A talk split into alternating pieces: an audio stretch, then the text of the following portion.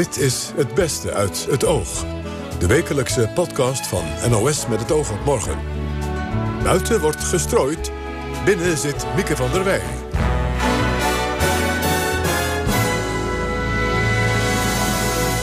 Welkom met de podcast met de beste gesprekken uit het oog van de afgelopen week. Onder andere profvoetballer Dorien Cornelis was de gast bij Joost Vullings. Die vroeg hem naar het verschil tussen blinde voetbal en gewoon voetbal. Zometeen hoort u het antwoord op deze vraag. Ja, bij, bij ziensvoetbal wordt de scheidsrechter dan vaak een blinde genoemd. Doen jullie dat ook of niet? Zelf sprak ik met twee gynaecologen over het gala van de vrouwenkwaaltjes in Den Bosch. Een evenement om vrouwelijk ongemak makkelijker bespreekbaar te maken. Als gynaecoloog merk je toch wel dat er een, een bepaalde vrees is om naar de dokter te gaan met kwaaltjes die te maken hebben met down under. De Nederlander Nico Norte was jarenlang stierenvechter in Spanje. Het gevoel van de arena mist hij nog steeds. Ja, absoluut. Dat is uh, zoveel kracht en zoveel geweld dat tegenover je staat. Dat, dat, er is geen andere sensatie dan dat. Maar eerst, wat kan een woningcorporatie doen tegen huiselijk geweld en kindermishandeling? Veel, zo blijkt uit het Europese project Safe at Home. Medewerkers van de corporaties komen namelijk bij de mensen thuis. De afgelopen twee jaar kregen zo'n 700 medewerkers een training om geweld snel te herkennen. Koen Verbraak sprak met Eddy de Vries van woningcorporatie Le Vier in Stadskanaal. En met PvdA-kamerlid Kirsten van den Hul. Zij had in een eerdere relatie zelf te maken met mishandeling.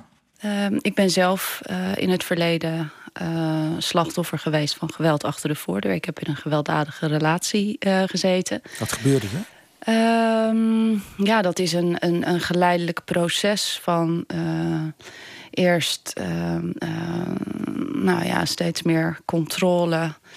En uiteindelijk uh, uh, ja, is dat geëscaleerd in, uh, in, in ook echt fysiek geweld. Dus dat is elke keer een stapje verder.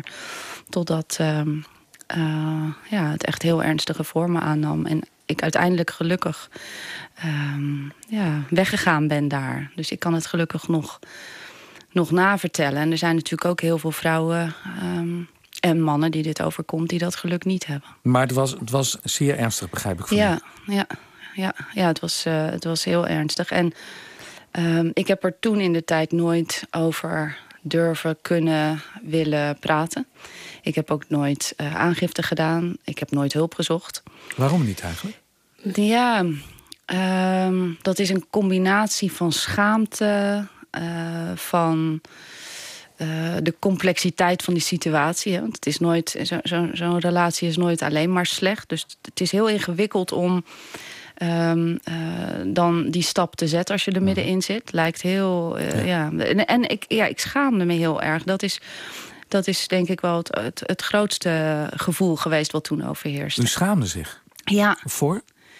Ja, voor, voor dat ik in die situatie zat. Als zelfstandige uh, vrouw, als feminist, als iemand die, uh, die altijd wel voor zichzelf op kon komen. Ja. ja. Hoe lang heeft dat geduurd? Ja, toch wel, toch wel een aantal jaar. En uh, uiteindelijk ja, ben ik met hulp van een vriendin daar uitgestapt.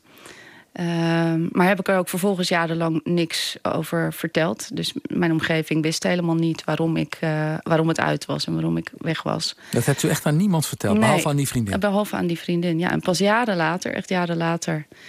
Uh, toen, toen las ik over een, um, ja, een geval van geweld achter de voordeur... dat helaas was geëindigd in, in de dood van de vrouw in kwestie. En toen las ik dat iedereen in de omgeving had gezegd... God, was, het, dat hadden we nooit zien aankomen. Het was het ideale stel. En betrok u dat op uzelf ook? Ja, want dat hadden veel mensen ook altijd over ons gezegd. En toen dacht ik, ja, en dit is dus precies wat er moet veranderen. Mensen moeten uh, uh, door dat taboe heen... we moeten er meer over gaan praten. Want de cijfers liegen er niet om. Er zijn deze week weer nieuwe cijfers uh, gepubliceerd... van het Verwij Jonker Instituut...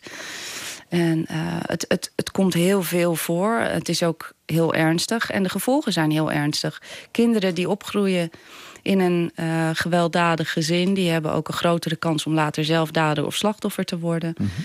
En het geweld gaat vaak uh, heel lang door. Het stopt niet vanzelf. En daarom is het juist zo belangrijk dat er vroeg uh, gesignaleerd wordt. En, en daarom ben ik ook zo ontzettend blij dat ik uh, morgen mag spreken op dit bijzondere uh, congres van Save at Home. Want ik denk dat dat dus een heel mooi voorbeeld is van wat je kan doen. Vroeg signaleren en, en professionals die in die situaties komen, ja, de tools geven om, om de situatie te herkennen. Nee, De Vries, u bent een van de mensen die die speciale training hebben gekregen. Wat hebt u bijvoorbeeld geleerd? Uh, ja, zij hebben ons uh, daar wel wat handvaten gegeven... om uh, die signalen ook te kunnen opvangen. Um, ik kan daar wel wat voorbeeldjes van geven. Alsjeblieft. er wordt een overlastmelding gedaan bij ons. midden in de nacht, veel lawaai, schreeuwen. En ja, daar gaan wij op af om deze mensen daarop aan te spreken. doet er een mevrouw open onder de krassen, op de armen. wij vragen het gesprek aan. Uh, mevrouw praat alleen maar als meneer er is. Nou, meneer is er. En uh, je ziet alleen maar dat die meneer aan het woord is. Uh, mevrouw kijkt schuchter om zich heen. Ehm, zit constant op haar telefoon. En je ziet aan elke vraag die je stelt als het over die overlast gaat... dat die vrouw eigenlijk, die durft gewoon helemaal niks te zeggen.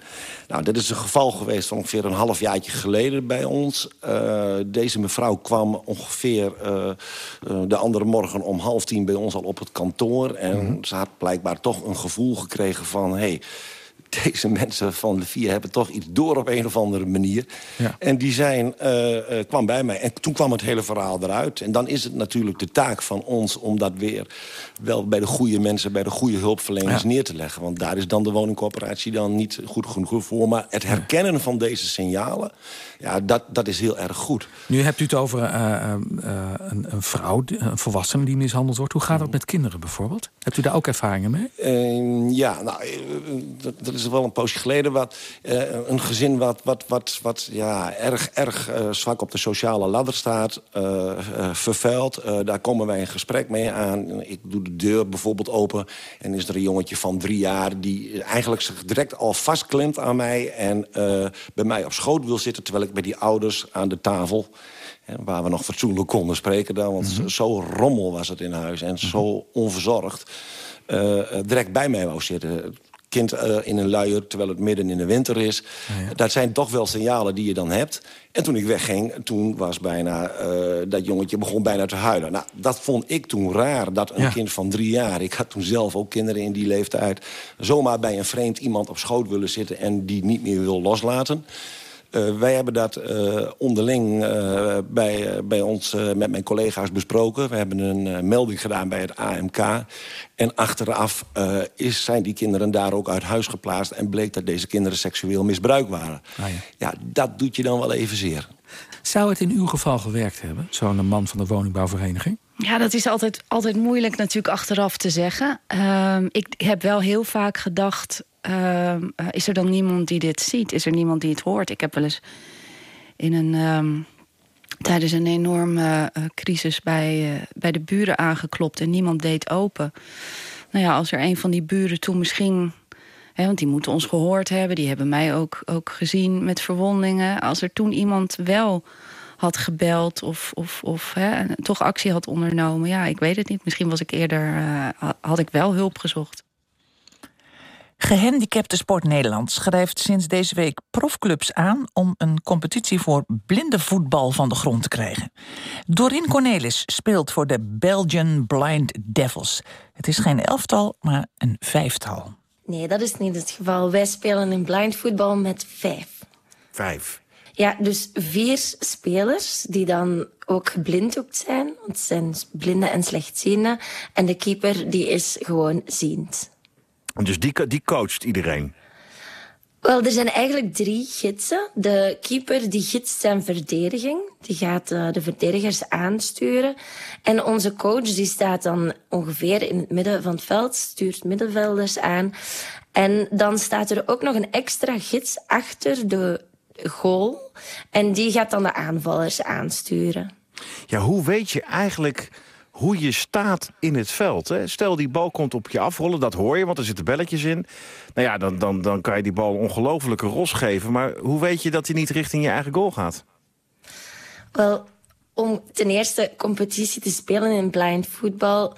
heb je sowieso al een hele training achter de rug. Dat is heel belangrijk om een goede oriëntatiezin te hebben.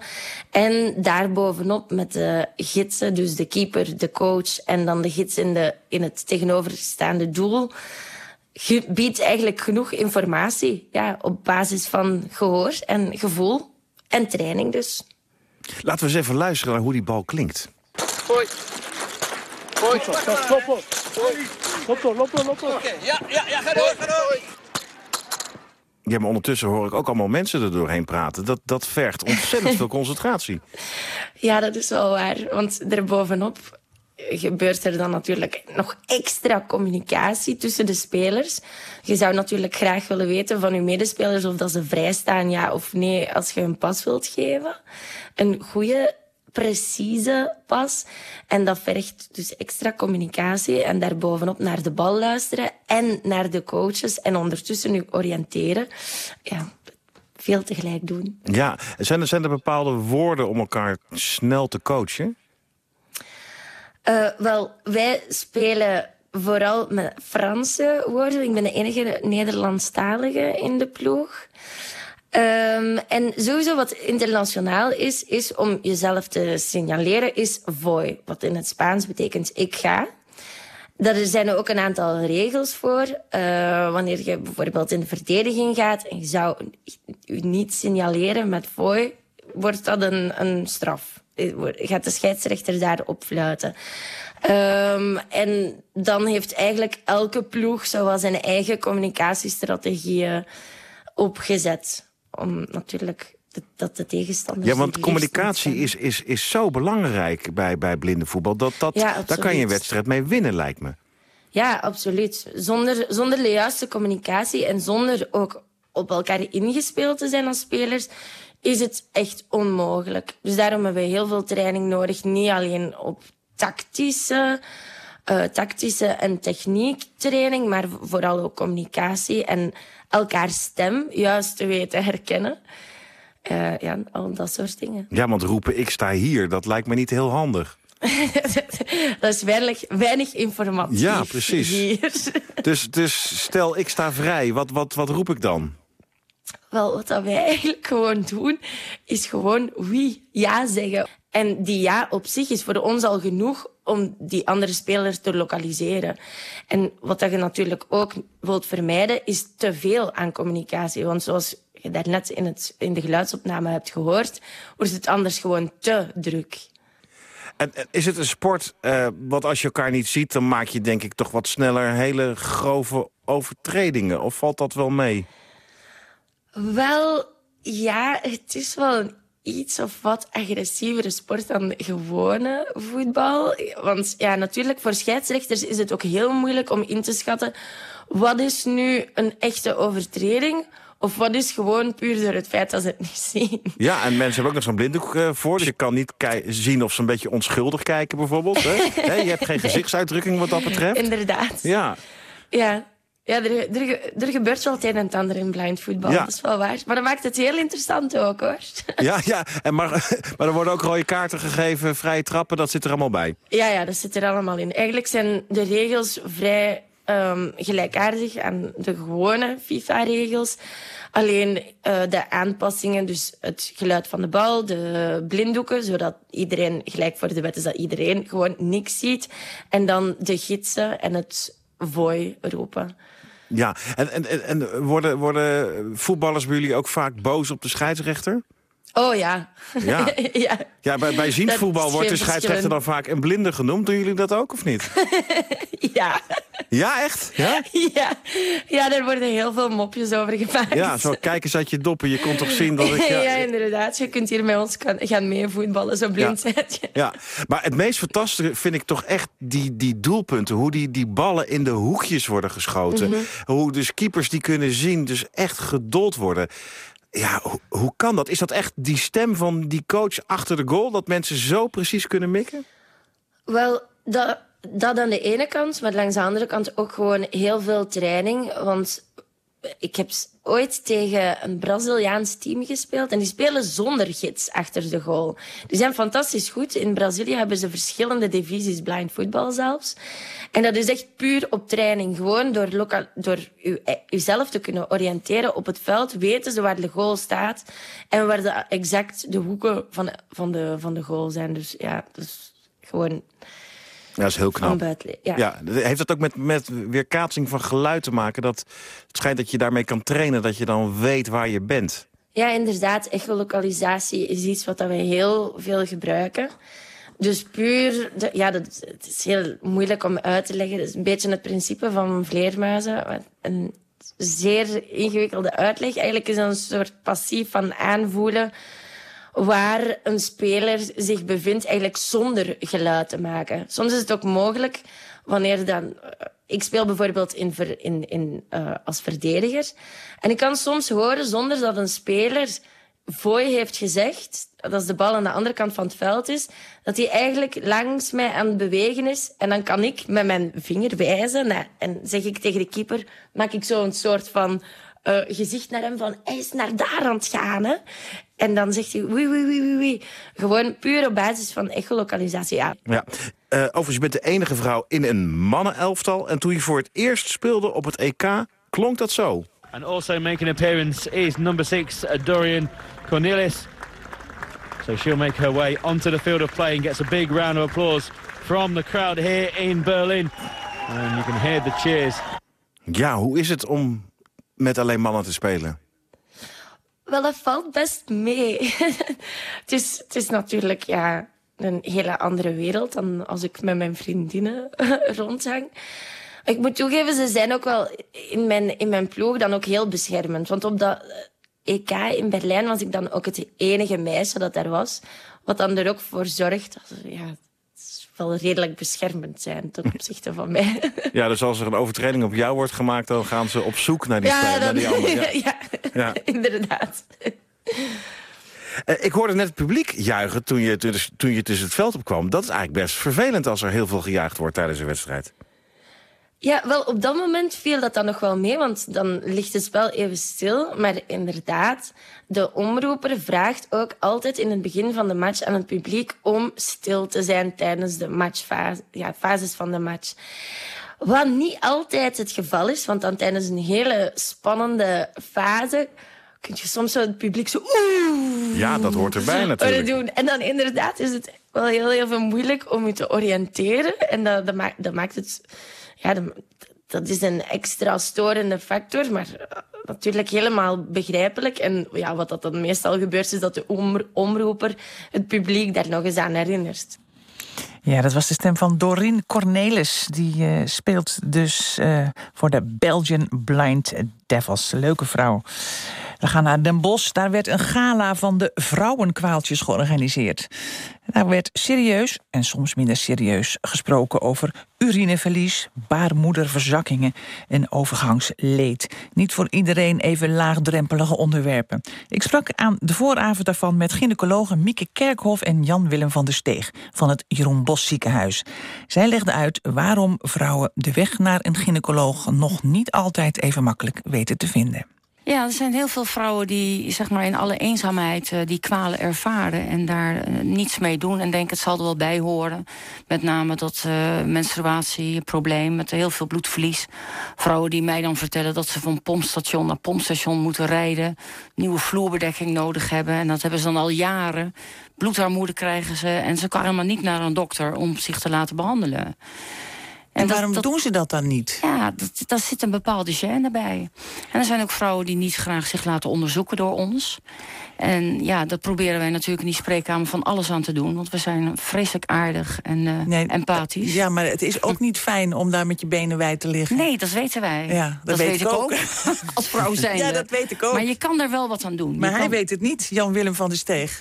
Die weet niet hoe dat is om in zo'n zo'n beugel te liggen. Is dat lastig, nou, dat is voor een man? Waar. We hebben zeker in onze opleiding ook een keer in die stoel moeten plaatsnemen. Eh, maar niet zoals de vrouwen dat inderdaad doen. Dat is inderdaad uh, je overgeven. En één de bekken gaat er dan in? Ja. En dat moest dan in ieder geval altijd wel warm zijn, hè? En niet koud. Ja, dat was in de tijd dat we nog die ijzeren eendenbekken hadden. Ja. Tegenwoordig hebben we Plastic. eh, ervoor gezorgd dat we inderdaad comfortabele plastic eendenbekken hebben. Is het voor vrouwen moeilijker om naar een mannelijke, mannelijke gynaecoloog te gaan? Nou ja, ik denk persoonlijk eh, niet. Er zal een deel van de vrouwen zijn die eh, Mhm. vanuit eh, cultuur of andere redenen zeggen van... ik wil liever bij een vrouw. Maar als wij eh, als man de vrouw met respect en met begrip behandelen... dan is het maar zelden dat ze nadat ze een keer bij ons zijn Mhm. geweest... alsnog naar een, vrouwelijke collega willen. En als het wel zo is, ja, we hebben genoeg vrouwelijke collega's. Dus Maar dan, ik- dan ben je niet beledigd. Nee, zeker niet. Nee. Het gaat om de zorg voor de vrouw. Ja, maar eh, is dat nou anders dan...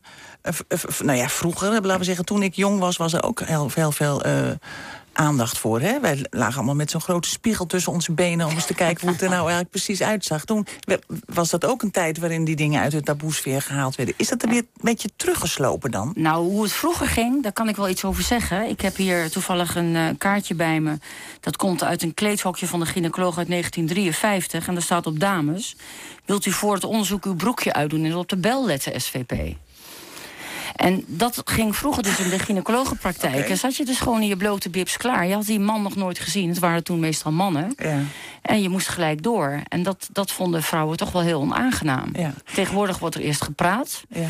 En dan gaan we het onderzoek doen. Ja, je schreef ook een boek, hè? Even ontspannen. Ja. Daarin gaat het ook over eh, kwaaltjes bij vrouwen. Kun je even een- concreet voorbeeld geven? Een stukje lezen daaruit? Ja, dat kan. Ja, even ontspannen mevrouw. Dat is dus een, een boekje wat ik... eh, met, er staan allemaal anekdotes in uit onze, uit onze spreekkamer, zeg maar.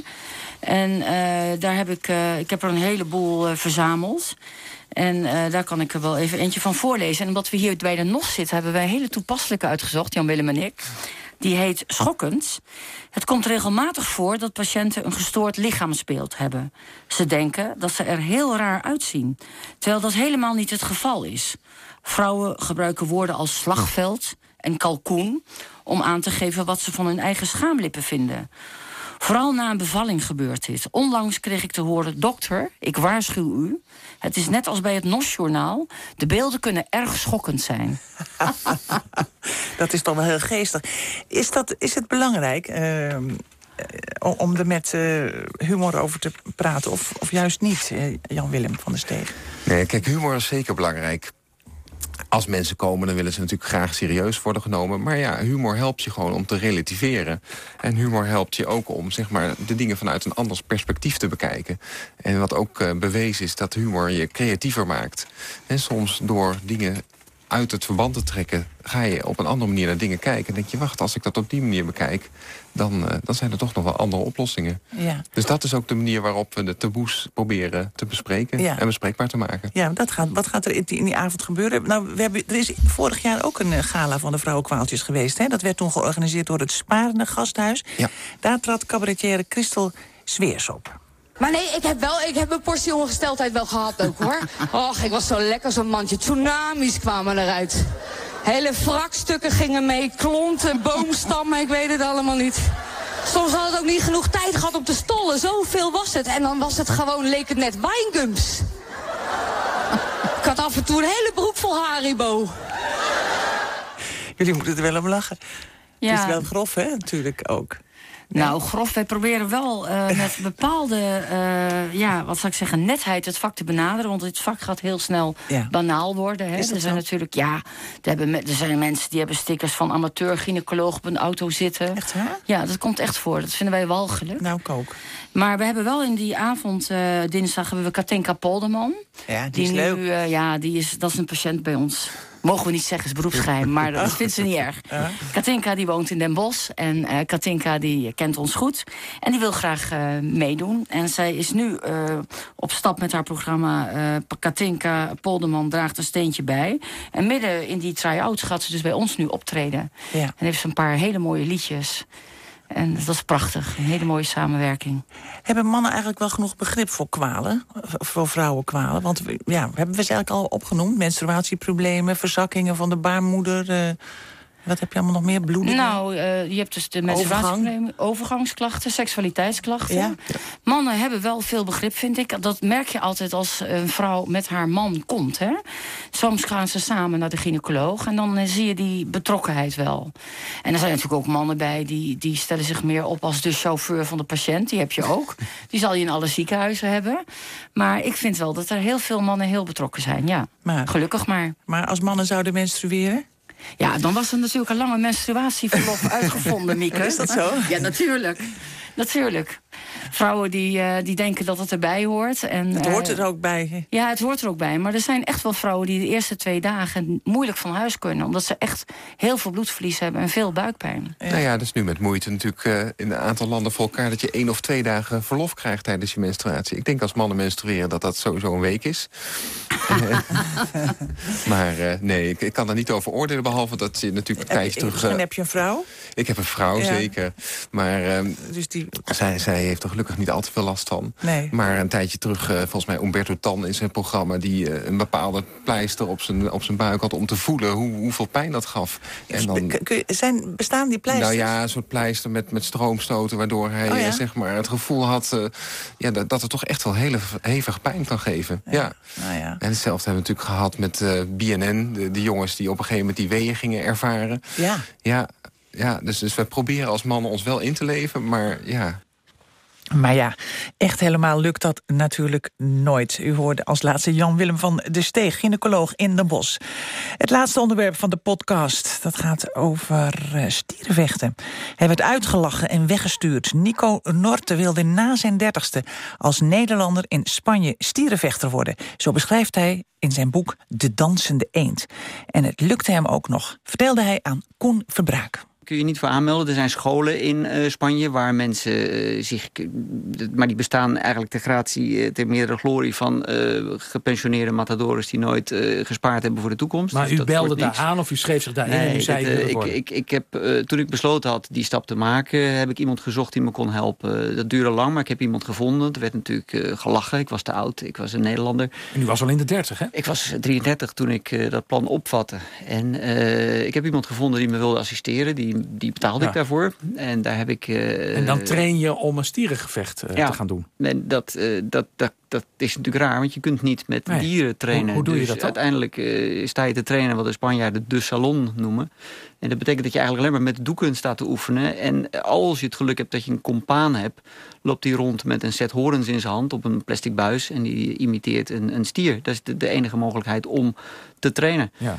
Je krijgt daar hele kinderachtige beelden bij voor. Die, die, die zijn heel kinderachtig, want ja? het, is, het slaat natuurlijk helemaal nergens op. Nee. staan eh, twee volwassen Maar na mensen... hoeveel tijd werd er gezegd... nou, ga nou maar met een echte? Nou, dat is nooit gezegd. Eh, er is alleen een soort eh, spreekwoord, of er is een spreekwoord in Spanje... dat zegt de stier regelt alles. En er werd mij zo lang voor, voorgehouden van... je bent nog lang niet klaar, je bent nog lang niet klaar. En terecht. Ja. Dat ik op een gegeven moment weer tegen iemand... die een serie eh, gevechten organiseerde, heb gezegd... luister, laat die stier me nou maar vertellen dat ik niet klaar ben. En, ik, die- ik- stel me maar op. Ja, nou ja, ik heb me daar als het ware ingekocht. Ingekocht? Ja, dat, eh, ik Oh ja. moest eh, toegangsbewijzen kopen voor mijn eigen eerste... eh, Voor uw eigen afgang. voor mijn eigen blamage. Ja, want, wat- en dan komt dat moment, hè. Dan komt hij op, en dan gaat, gaat er zo'n schuif open... en dan komt die stier op je afstormen. 500 kilo spieren. Ja, Hoe- nou, het, was, hoe is dat? eh, het was veel erger, want de eerste stier waar ik ooit, of niet waar ik ooit tegenover stond, maar waar ik tegenover stond in een arena, die, die, die eh, was helemaal niet zo groot. En eh, die kwam inderdaad met heel veel geweld op me afstormen en ik had geen idee wat ik daar deed. En ik, kan, me moet, ik kan me daar ook helemaal niet veel van herinneren. Ik heb een enorm pak slaag gehad en ik stond op mijn sokken op het zand, mijn pak aan flarden en... en ik had van alles gebroken, bleek achteraf. En ik heb daar een, een complete clown van mezelf gemaakt. Maar daarna hebt u toch weer eh, de, de rode lap opge, opgepakt. Ja, ik, ik ben hersteld. Ik had een klein gelukje dat ik werd gekoppeld aan een, een, een matador die al wat verder was dan ik. En die is bij mij komen trainen. En die liet mij stier spelen de helft van de tijd en hij de andere helft. En Als, als zo'n stier op je afkomt, wat is dan de beste tactiek? Wat moet je doen? ja, er is geen tactiek. Het is, het, eh, het is een kwestie van heel veel weten van stieren. En dat kwam ik natuurlijk schromelijk tekort. En eh, Dus het is eigenlijk een groot wonder dat u hier vanavond aan tafel zit. het is een, eh, dat, is, dat is een redelijk wonder. Ik ben vrij goed weggekomen, moet ik eerlijk zeggen. Bent u voor uw gevoel vaak doodgegaan in die arena? Ehm, het is een sensatie die daaraan uh, uh, grenst, denk ik. Uh, het is net zo'n soort sensatie als een, als een soldaat die in een vuurgevecht terechtkomt. Je, je vecht voor je leven. En dat mag je niet laten zien. Dat is het hele Zo voelt dat echt van, het is hij of ik. Ja, absoluut. Dat is zoveel kracht en zoveel geweld dat tegenover je staat. Dat, dat, er is geen andere sensatie dan dat. Nee. En, en bent u ook als echt op de horens genomen? Ik was daar vrij goed in om op de horens genomen te worden. Om het simpele feit dat mijn techniek zo slecht was. En ik het uh, daar niet op kon bouwen. Ik maakte grote fouten. Ik uh, kon geen stieren lezen, zoals ja. matadores dat zeggen. En ik was afhankelijk van mijn knechten die me gebaarden waar ik moest staan, wat ik moest doen. En dat ging regelmatig uh, mis. Ja, want wat, een normaal mens denkt dan van nou hier hou ik mee op. Hè? Ja, maar dat had ik niet, niet ver gevonden. Hoeveel ik gevechten heb, heeft u gedaan? Uh, iets meer dan 70. 70 keer ja. tegen een stier gevochten. Ja.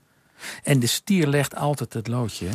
Dat heeft ook wel iets stuitends. Hè? Ja, het is niet, de, sterkste wint dus niet. Nee, het is, nou ja, het is natuurlijk niet de bedoeling dat de, de, de stier wint. De uiteindelijke bedoeling is dat de... de, of de maar ik vergis me nu. Het, het, het, is niet de bedoeling dat de stier verliest. Het is de bedoeling dat hij levend de arena uitkomt. Dat is het streven van iedere matador om een, de stier te selecteren... die, die zich verder voortplant.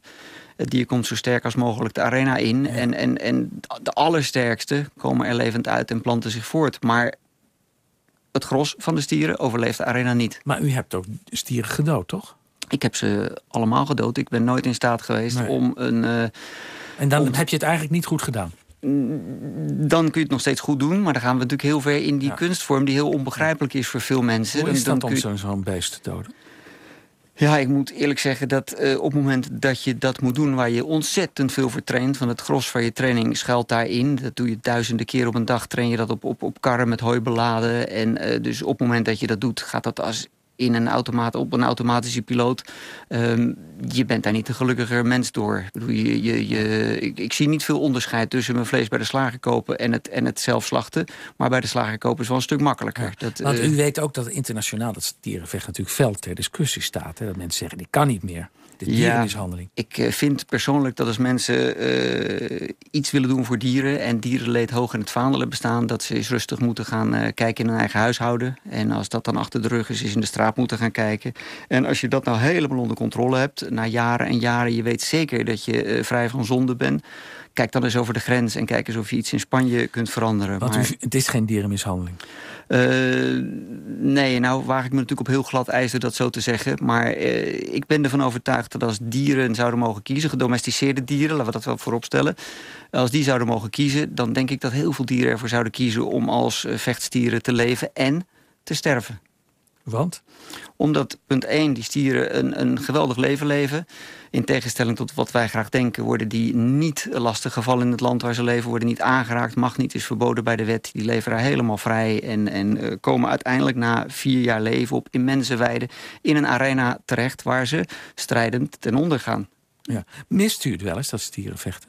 Ja, het trekt heel erg aan me. Ik, heb, uh, ik ga niet meer terug de arena in. Maar op de een of andere manier... Uh, ja, ik, ik, ik, ik mis de sensatie om voor stieren te staan... en om in die wereld weer uh, actief te zijn. En wat mist u dan het meest? Die spanning? Die angst? Ja, er hangt iets uh, heel erg schoons en, en, en, en intrigerends in die wereld. punt Schoons? 1. Ja, dit is een hele mooie wereld... waar mensen alleen maar met heel veel liefde met dieren bezig zijn. En dat vind ik op zich al heel erg bijzonder. dat hele traject van stieren die geboren worden... tot het moment dat ze die arena ingaan... dat speelt zich voornamelijk af rond de, de, de koeien. Dat klinkt heel vreemd, maar de stieren wordt weinig mee gedaan. Het zijn de koeien die het ras doorgeven. Daar zijn mensen hele dagen mee bezig, te paard. Het is een hele andere wereld. U zou wel weer terug willen? Ik, ik zou morgen teruggaan als er een kans was. En, en, en is er dan een kans dat u ook weer in die arena staat met enig succes? Er wordt nog steeds... Of was dit meteen toe... uw laatste interview? Dan? Nee, er wordt nog wel eens aan me getrokken en gedaan. En een festival, een, een, ja. een, maar je moet daarvoor trainen en trainen. En ik, ik heb die kans niet, ik heb de tijd niet. Ja, en met de Nederlandse Matadors sluiten wij deze week podcast van het oog af. Hopelijk hebt u met plezier geluisterd naar deze mix van huiselijk geweld, blinde voetbal, vrouwenkwalen en stierenvechters. Volgende week is er weer een podcast. Dag. Gute Nacht, Freunde. Es wird Zeit für mich zu gehen. Was ich noch zu sagen hätte, dauert eine Zigarette und ein letztes Glas im Stehen.